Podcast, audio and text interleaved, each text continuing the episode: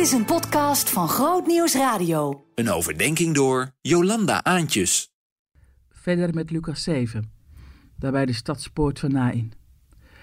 Uit de stadspoort komt een rouwende familie met een intens verdrietige, wanhopige moeder die haar zoon moet begraven. Buiten, bij de stadspoort, is een andere groep onderweg om de stad in te gaan. Vrolijk pratend, lachend en ook nog ondersteboven van alles wat ze net meegemaakt hadden. Jezus, die een zieke slaaf van een Romeins legerofficier had genezen, zonder deze man zelfs maar te zien, en dat bij de vijand. En de mensen verlangen naar meer, meer van tekenen en wonderen van dat koninkrijk van God. Maar de groep wordt stil als de dood hen tegemoet komt. Dan zwijg je. Dan ziet de Heer, zo schrijft Lucas, ziet Jezus deze vrouw. Hij wordt diep geraakt door haar diepe verdriet. Zijn maag draait ervan om. Hij voelt de dood, het lijden. Jezus vraagt niets aan de vrouw. Hij komt zo het leven van de vrouw binnen, onverwacht. Zij heeft hem ook niets gevraagd. Mogelijk ziet ze hem ook amper, vol van haar verdriet. Zo onverwacht kan Jezus in je bestaan komen. Hij spreekt. Haal niet meer. Haal niet meer. Hij stapt naar voren. Uit de stoet van de levenden stapt hij in de stoet van de doden.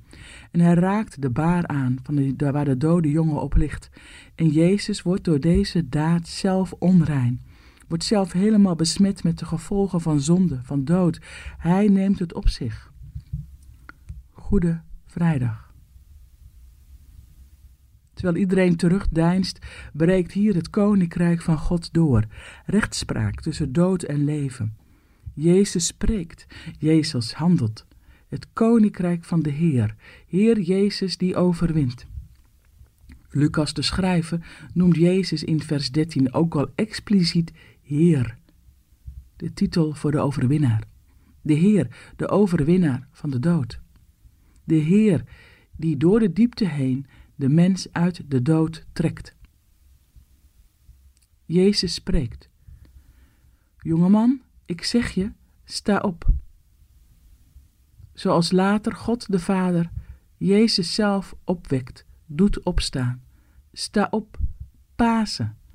De macht van Jezus die de opstanding en het leven is, die spreekt hier bij de stadspoort. De dood moet zijn macht afleggen. De dood die wint het niet, die overwint het niet. Waar Jezus spreekt, waar Gods gezag klinkt, daar is leven, een herschepping. Jezus geeft de jongen aan zijn moeder terug. Hij zal haar in de ogen gekeken hebben. Hier, vrouw, leven, nieuw leven, je zoon. De moeder ontvangt een nieuwe toekomst.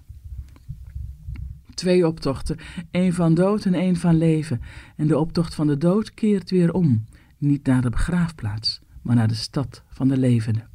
Samen met de optocht van Jezus, de Heer, waar Hij is, is leven. We kennen allemaal het verdriet van de dood. Maar deze opstandingskracht van Jezus, de Christus, toont dat het kwaad, het onheil, de weg van onrecht, zonde en lijden uiteindelijk nooit zal overwinnen. Ja, de dood heeft ons leven gekruist en zal ons leven blijven kruisen, zolang de Heer nog niet is teruggekeerd. Maar, maar voor wie vertrouwt op de Heer, mag er ook op vertrouwen dat de dood niet haar overwinningsmacht over ons heeft. Nu niet, nooit niet. Want we horen bij Christus en zijn van Hem. Eer aan de Vader en de Zoon en de Heilige Geest, zoals het was in het begin, en nu en altijd en in de eeuwen der eeuwen.